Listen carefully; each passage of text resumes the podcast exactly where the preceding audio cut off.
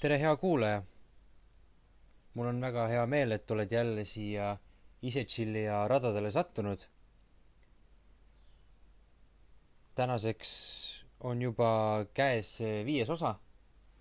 päris kiiresti on läinud see aeg.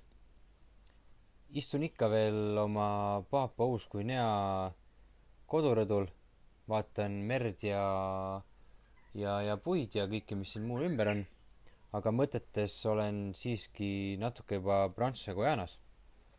täna on selline saade, et ma ei saa enne oma Prantsuse Guyana juttudega edasi minna, kui, kui ma seda teemat pole hõlmanud. ja tänane saade on siis hästi-hästi loomadekeskne, võiks öelda.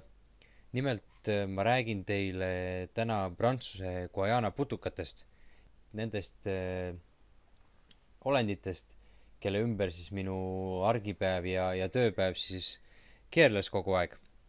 ma tänases saates puudutan siis, et selliseid teemasid, miks putukaid üldse püütakse, miks seda tehakse Prantsuse Guajanas näiteks, kuidas putukaid püütakse, kes püüavad ja kindlasti räägin ka mõned atraktiivsematest ja ägedamatest putukatest, keda Prantsuse Guajanas siis leida võib aga alustame siis sellega, et eh, miks putukaid üldse püütakse.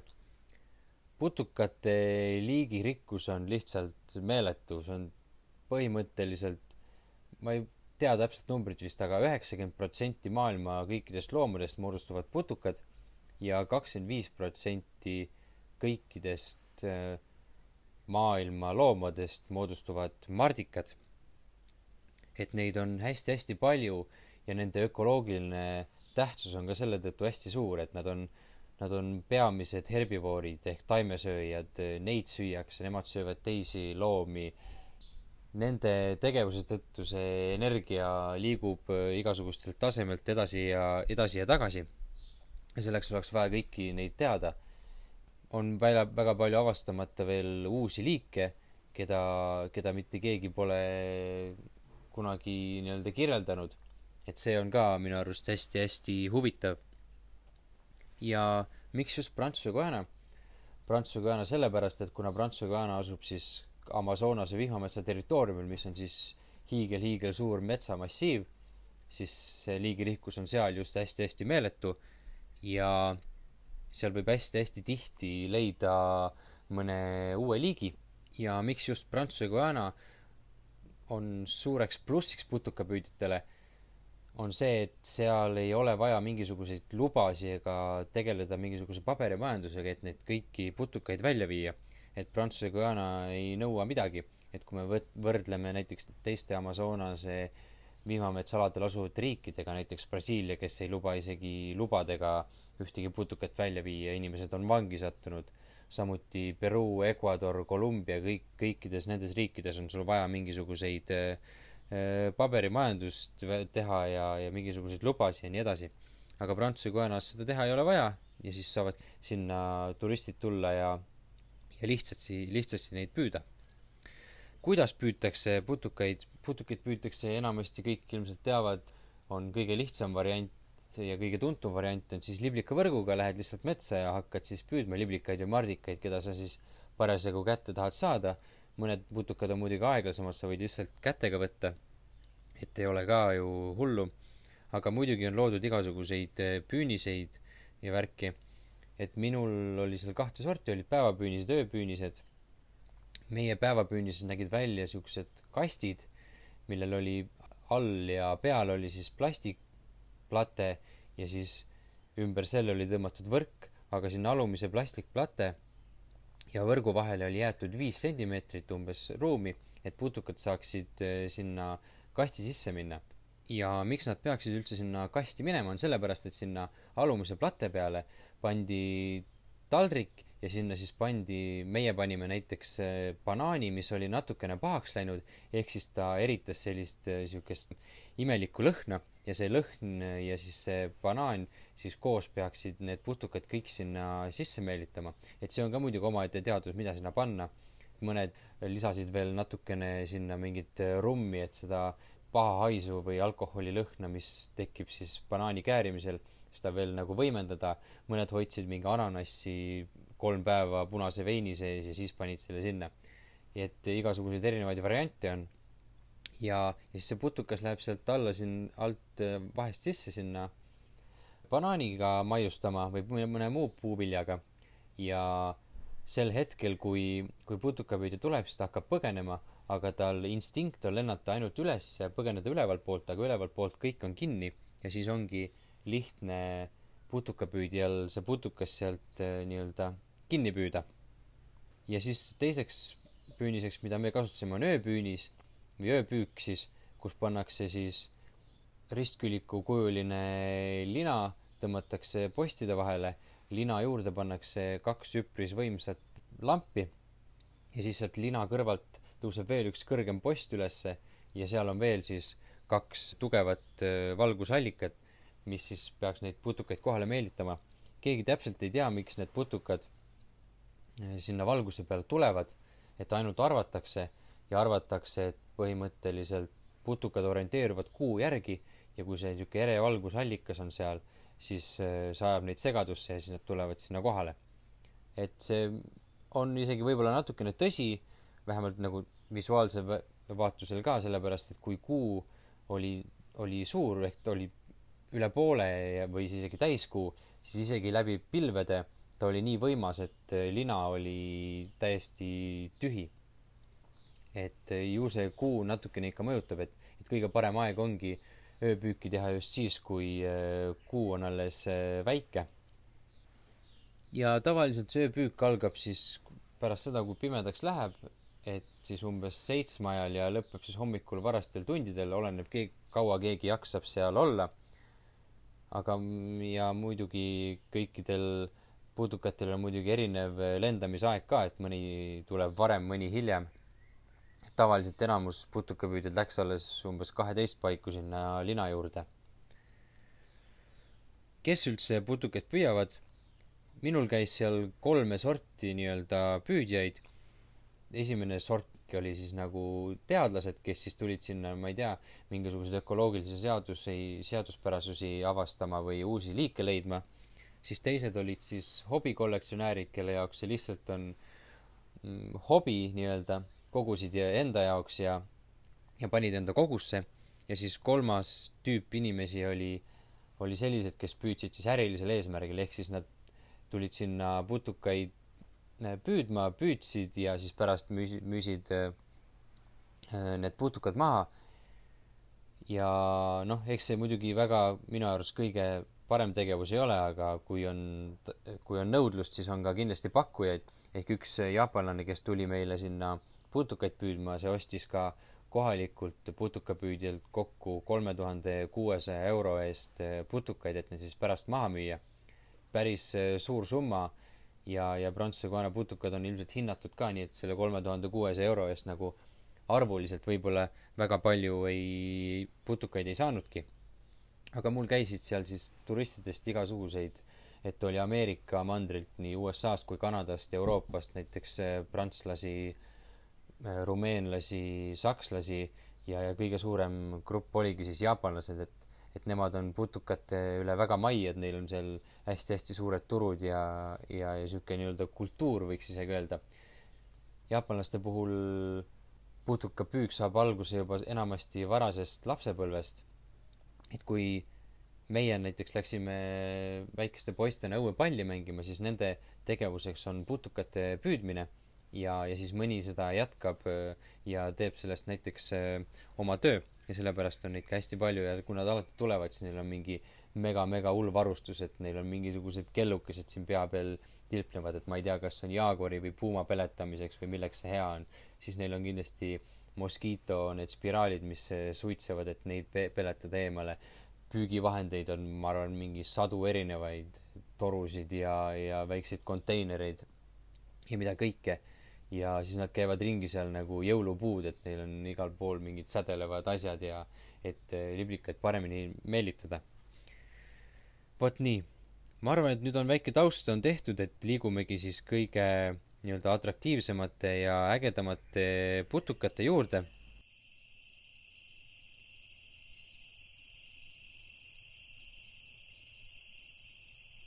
kõige ikoonilisem Amazonase vihmametsa putukas üldse ja maailmas üldse on, on morfoliblikas.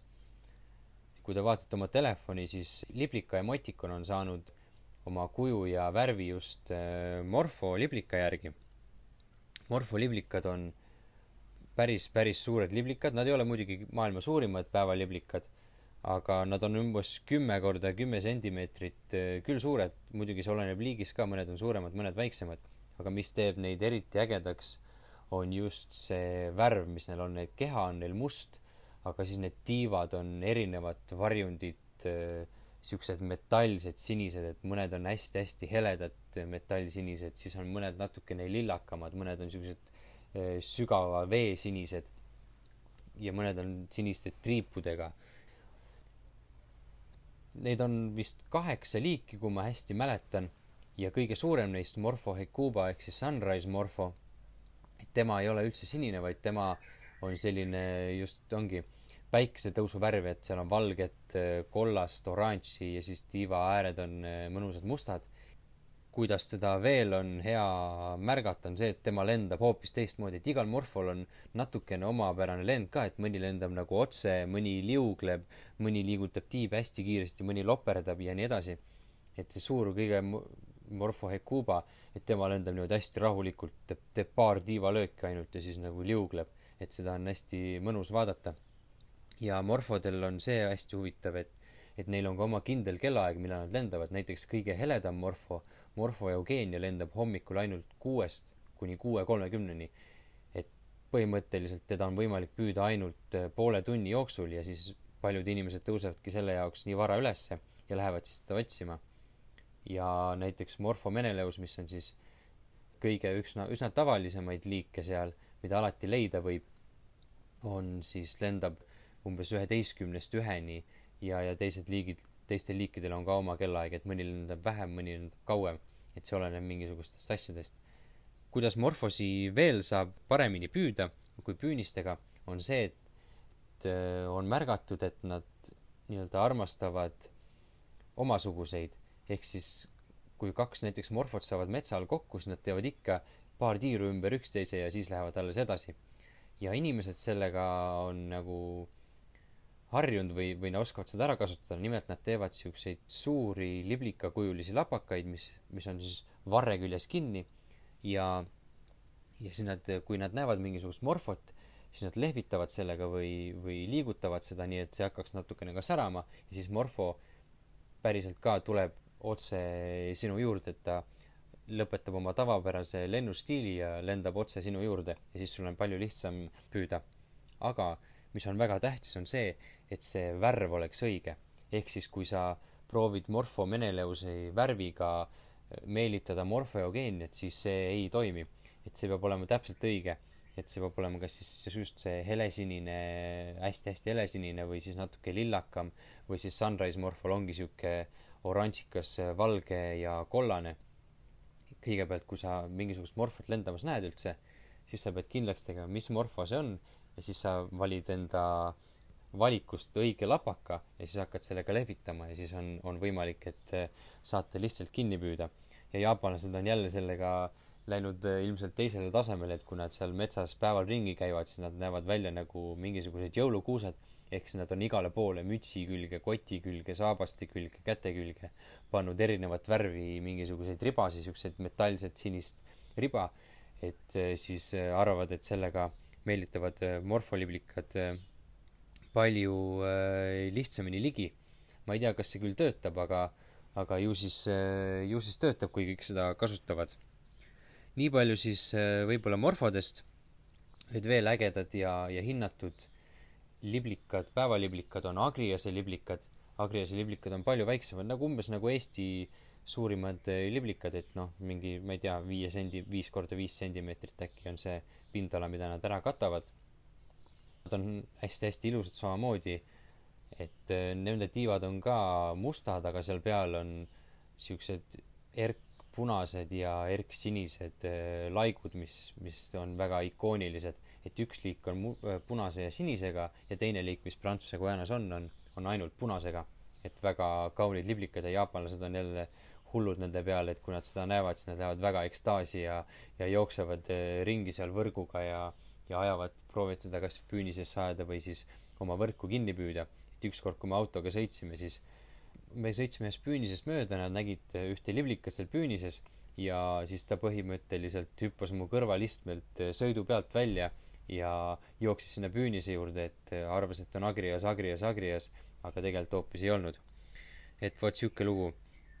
ja, ja nad muidugi ilmselt, jaapanlased on mulle ka öelnud, et jaa, et kuule, et kui sa siin oled, et me tuleme tagasi, et püüa meile mingisuguseid morfoliblikaid ja ja Agriasi, et need on väga hinnatud, et ma maksan sulle hästi, aga aga ma kahjuks või õnneks seda ei teinud ja, ja peale nende morfoliblikate ja agriasliblikate on veel igasuguseid ägedaid liblikaid, kes seal lendamas, et mõned liblikad on näiteks läbipaistvate tiivadega, et ainult need tiivasooned on äh, näha.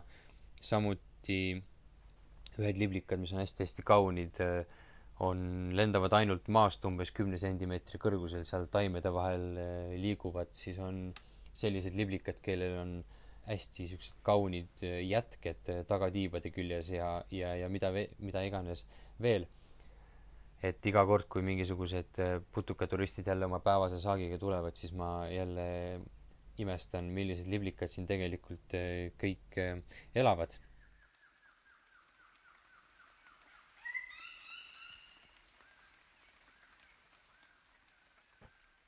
aga kui me nüüd päevaliblikatest liigume ööliblikate juurde kes on ka väga ikoonilised ja kaunid, siis ööliblikad enamasti püütakse öösel, ööpüügil ja, ja kuidas teha üldse vahet päevaliblikal ja ööliblikal, minu teada on kaks varianti, üks on vaadata tundlaid, ehk kui päevaliblikate tundlad on niisugused hästi niitjad ja, ja siis seal otsas on niisugune natukene paun, siis ööliblikate tundlad on kas siis niisugused pikad sirged ja lõpevad niisuguse terava tipuga või siis seal tundlatel on erinevad harjased ja, ja mingisugused monstrumid ja moodustised.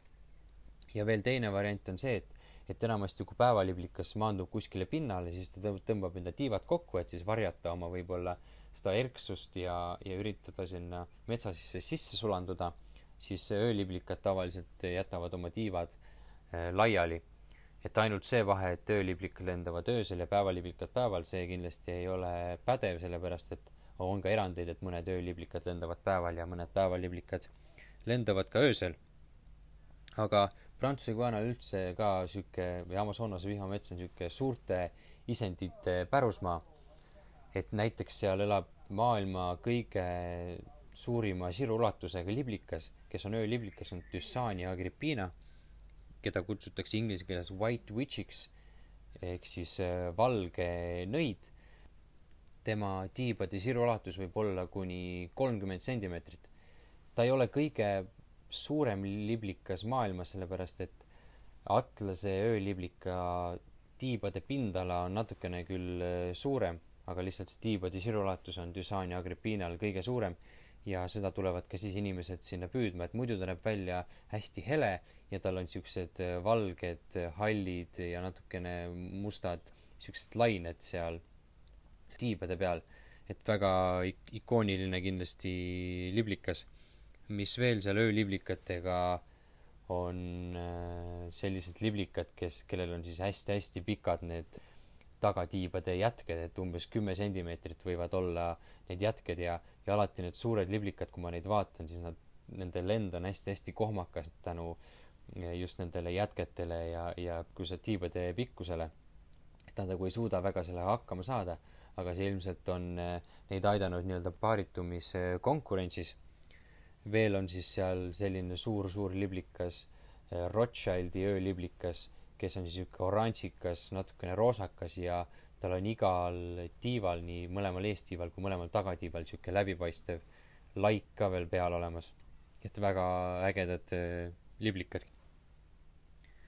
nii, ja peale liblikate on muidugi ka veel igasuguseid putukaid, kes on seal äh, ägedad ja erakordsed, näiteks rohutirtsud, mis on siis umbes kümne sentimeetri suurused mis teeb neid ägedaks veel, on see, et nende tiivad on eri värvi, et on seal olemas nii punaseid, helesiniseid, musti, violettseid, punase-musta kirjusi ja nii edasi. et see suurus ja, ja see tiibatilu on, on väga kaunis kindlasti ja ja putukate, putukaturistide puhul hinnatud. siis on kindlasti olemas palvetajaritsikad, et võib-olla kindlasti olete filmidest näinud, et, et nad on niisuguse ikoonilise kujuga, et neil on niisugune nagu palvetamise asendi sees jalad, mis on, mis on röövjalad, et selleks, et haarata kinni saakloomi, et tihti tulevad nad sinna linale hoopis nii-öelda teisi putukaid sööma, et vaatad, et ta on jälle mingisuguse ööliblika või rohutirtsu sealt kuidagi kätte saanud ja seda rahulikult seal sööb. ja need palvetajaritsikad näevad ka igasugused välja, et on suuri, umbes viieteist sentimeetrisi, on väikseid, kes näevad välja nagu mingisugused lilleõied, siis on seal lehe lehesarnased ja, ja sellised hästi head varjevärvused on. siis kindlasti ka on äh, hästi ägedad ja, ja oma, omalaadsed on raagritsikad, kes näevad välja nagu puuoks, et neid on hästi-hästi üks, ühed kõige raskemad putukad või loomad üldse, keda looduses märgata on. ja nad on hästi-hästi pikad, et maailma kõige pikem putukas ongi raagritsikas, kes võib kasvada vist kolmekümne kuue sentimeetri pikkuseks äkki, kui ma hästi mäletan ja ainult suured putukad ei ole ägedad, vaid tegelikult äh, ägedus ja, ja imelisus on ka väikestes putukates, näiteks on seal sellised putukad nagu treehopperid, kellel on siis väga-väga erilised äh, jätked igal pool keha peal, et on seal mingisugused väiksed pallikesed, paunad, äh, sarved, kiivrid, mida iganes sa suudad välja mõelda et kui teil on võimalus, siis Google'ist äh, vaadake, et Tree Hopper kirjutage ja siis te, siis te näete mingisuguseid harjakesi, kolmharke ja, ja, ja ogasid seal. et alguses võib-olla ei panegi tähele, aga kui sulle nii-öelda teadlane või, või teadjamees näitab, siis, siis sa vaatad neid äh, alati teise pilguga ja otsid siukseid ägedaid isendeid seal. Mm.. veel üks äge isend on äh, latendirt, mida kutsutakse ka peanut head'iks ja see nimi on muidugi väga õige, mis talle antud on, võiks öelda. et põhimõtteliselt ta näeb välja nagu liblikas, tal on ka kaks äh, need kattetiivad ja, ja alustiivad ja millega ta lendab, aga tal siis see pea ees on niisugune nagu India pähkli sarnane muhk või midagi sellist. et kunagi võib-olla arvati isegi, et see, see võiks helendada, et sellepärast ka see laterna nimi seal. aga tegelikult see ei helenda, vaid lihtsalt on niisugune äge-äge loom ja, ja latendirti on ka mõned teistsugused, et, et seal on mingisuguste sarvede ja, ja kiivritega samamoodi. suurtest putukatest veel, seal on üks umbes kolmeteist sentimeetrine vesilutikas, kes näeb välja nagu lutikas, aga ta elab vees, ta on röövloom ja mis on, mis, mille pärast ta on nagu sihuke ikooniline ja äge, on just see, et ta on ka natukene mürgine ehk siis ta võib päris, päris valusasti hammustada, et inimestele ta midagi halba nagu ei tee ega hullu, aga lihtsalt see hammustus on hästi-hästi valus. Ja see suurus on ka tore. Ja siis äh, vesilutikal on selline kohastumus ka, et ta kannab oma neid järglasi siis selja peal, et sa võid selja peal näha siukseid vahepeal mummusi, kui, kui tal on parasjagu uued järglased tulemas. siis, kui me läheme siin, oleme siin suur, suurte isendite juures, siis on tarantlihunt, tarantlihunt on maailma kõige suurem herilane ja tema eluviis on meeletult omalaadne ja eripärane, lisaks sellele, et ta on suur. nimelt ta on tituleeritud kui maailma putukahammustuste tugevuselt teisele kohale, ehk siis see on meeletult, meeletult valus. ja seda läheb tal vaja just sellepärast, nagu nimigi ütleb, tarantlihunt, ehk siis tema elukäiguks on vajalik eh, tarantel või mingi muu ämblik. nimelt, kui ta hakkab munema siis ta selle oma tugeva hammustusega paralüüsib ühe ämbliku, ta muneb ämbliku kehasse ühe muna ja siis see muna, munasse koorub vastne ja vastne hakkab sööma siis ämbliku sisikonda. see ämblik ei sure ära, vaid ta elab edasi ja see vastne on nii nagu targalt käitub, et ta sööb alguses kõige vähem tähtsad osad ära ja näiteks südame ja aju, mis on siis tähtsad osad, jätab viimaseks, nii et see ämblik oleks nii-öelda kogu aeg äh, värske, et tal oleks värske toit. ja siis, kui lõpuks kõik, terve ämblik on nii-öelda seestpoolt ära söödud, siis see trantlihunt sealt ämblikust koorub välja ja hakkab äh, oma nii-öelda elu elama. et vot selline äge, ähm, äge loom. kui me räägime siin valusatest hammustustest veel, siis ka number üks valusate hammust, putukahammustuste edetabeli putukas elab Amazonase vihmametsas just ja ka Prantsuse Guajanas. see on bullet ant ehk kuulsipelgas. ta on üp-, üpriski suur sipelgas, umbes kolm sentimeetrit äh, pikk. ta on üksikeluline, et nad, mina ei ole näinud, et nad oleksid mingisugust suure pesa teinud, et vahepeal nad tulevad sinna päevapüünisesse ka neid äh, puuvilju sinna sööma ja tema on tituleeritud siis kui kõige valusama hammustusega putukas maailmas. ja Amazonase vihmametsas on ka selline hõim, kus meheks saamise rituaal hõlmab neid sipelgaid, ehk siis kui sa oled poisike ja tahad meheks saada või on see aeg juba käes, siis eh, sulle pannakse kätte kindad, mis on neid kuulsipelgaid täis ja sa pead kümme minutit neid eh, kindaid käes hoidma, samal ajal tantsima. Ja see ei ole ainult ühekordne protsess, vaid sa pead seda, neid kindaid käes hoidma umbes kakskümmend eh, korda ja, ja pärast seda ja, või sel ajal sul siis äh, tekivad krambid, äh, käed paistetavad, sul on ilgelt ebameeldiv olla, aga just siis sa tõestad äh, oma kogukonnale, et, et sa oled mees, et sinuga saab arvestada, sa oled tugev. et vot selline lugu ka nende putukatega. Prantsuse Guajanas leidub muidugi ka, või Amazonase vihmametsas leidub ka muidugi ka nagu inimesele ohtlikke putukaid, kes võivad reaalselt midagi inimestele teha ja üheks nendeks on näiteks eh, musipõrnikas. musipõrnikas on sihuke paari sentimeetrine lutikataoline eh, röövloom, ta toitub siis eh, erinevatest putukatest ja ka verest. ja, ja see vere imemine tekitabki temaga natukene probleeme. nimelt ta on öise aktiivsusega, et öösel, kui sa magad, see musipõrnikas võib tulla sinu suu juurde ja sellest ka nimi, musipõrnikas ta hakkab äh, sinu suu juurest imema verd, tekitab sinna haavandi ja tavaliselt, kui keegi sööb, siis ta ka kakab ja siis ta kakab sinna selle nii-öelda augu juurde, kus ta oli just verd imenud. siis ta läheb rahulikult minema. sa hommikul ärkad üles ja see haavand hakkab äh, sügelema, sa sügad seda ja siis äh, sa sügad selle nii-öelda põrnika kaka endale haavandisse ja siis see satub sinu siseorganitesse. ja seal kakas on mingisugused, ma ei tea, kas bakterid või keegi on igatahes sees ja see tekitab äh, Chagasi tõve. Chagasi tõvi on niisugune hästi-hästi raske südametõvi, et sellest saab lahti ainult siis, kui sa teed läbi südame siirdamise. et vot selline ohtlik loom ja isegi Charles Darwinil olla olnud äh, see haigus, et, et pärast seda, kui ta seda putukat kirjeldas, siis pärast seda hakkas tal tervis äh, väga kiiresti halvaks minema. et arvatakse, et, et see just see oli see põhjus. tänapäeval seda musipõrnikat eriti kartma ei pea, ma olen seda mitmeid kordi näinud lina peal öösel, aga enamasti ta tekitas äh, kahju siis, kui inimesed elasid veel pal-, palmikatuste all, et ta päeval magas seal palmikatuste äh, sees, et seal oli tal hea koht olla ja siis ta öösel tuli siis inimestelt verd imema, aga praegu magavad enamasti inimesed ikkagi mingisuguste muude katuste all, nii et seda probleemi on järjest vähemaks jäänud.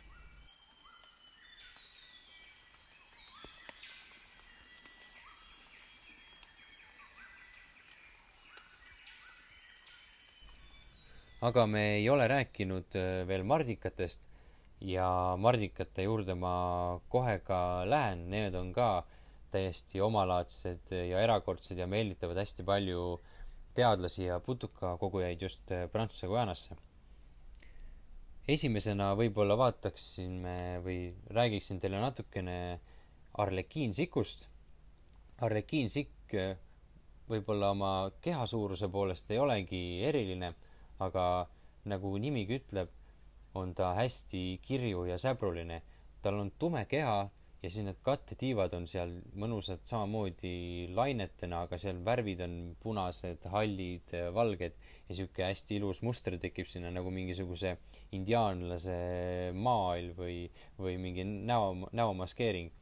ja mis teeb ta veel ägedaks, on see, et tal on esijalad mega-mega pikad, esijalad võivad olla pikemad kui ta päris keha ise. ja sellepärast on ta tuntud ja, ja tahetud ja temaga on selline lugu veel, et, et ta toitub või tema vastsed toituvad ühel surnud puidul, ühel spetsiaalsel liigil. et mõned putukakogujad on selle ka nii-öelda avastanud, ehk siis kui nad tulevad sinna, nad otsivad metsast selle just õige puu ülesse, raiuvad selle puu maha ja see meelitab arlekiinsikke sinna munema. ehk siis, kui see puu on maha võetud, siis lähevad paar päeva hiljem vaatama, näiteks öösel, ja siis leiavad sealt meeletult, meeletult palju neid arlekiinsikke. et see on niisugune variant, kuidas neid on kõige lihtsam eh, püüda teine suur mardikas, mida sealt leida võib, on megasooma ehk siis ninasarvik põrnikas. tal on hästi-hästi massiivne keha, sihuke natukene ümar, nagu meie põrnikad, aga lihtsalt mitmeid-mitmeid kordi suurem, et võivad olla kuni kümne sentimeetri pikkused.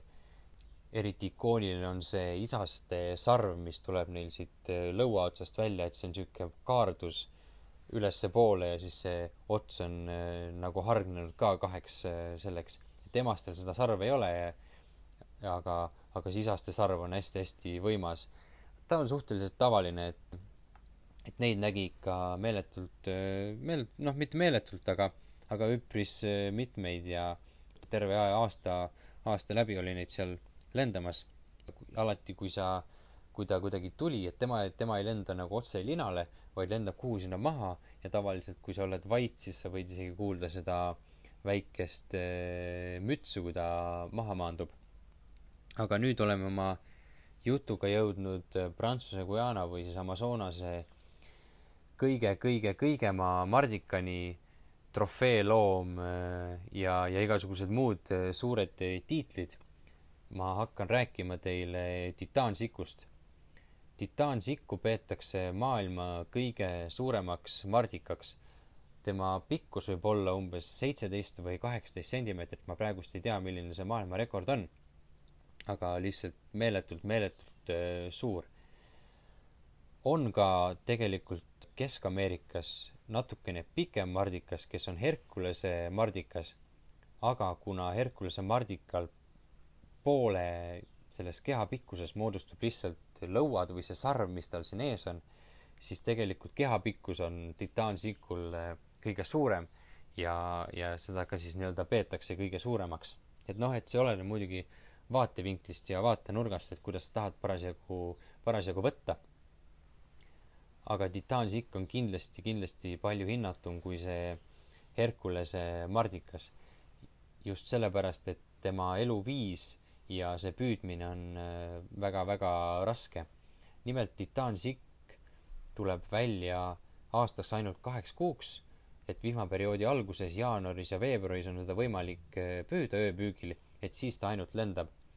et pärast seda ei tea keegi, kus ta on, mis ta teeb ja, ja mis üldse vahepeal toimub, sellepärast et mitte keegi kunagi ei ole näinud titaansiku muna ega titaansiku vastset. Eeldatakse, et titaansiku vastne elab kuskil puujuurtes ja toitub sellest ja et siis on vahepeal nähtud ka puujuurte juures on mingisugused suured-suured augud et see arvatakse, et võib-olla on titaansiku vastne sealt välja või noh, titaansikk sealt välja tulnud, aga keegi päris kindel ei saa olla, et see vastne võib, peaks ka olema ikkagi päris, päris äh, suur, kui mardikas ise on nii suur. ja, ja see võtab ikka oma mitmeid-mitmeid aastaid aega, et see titaansikk saaks siis äh, nii äh, suureks kasvada. ja just see salapära, raskus ja see suurus teevad temast äh, maailma, ma arvan, et maailma kõige hinnatuma ja kallima mardika üldse.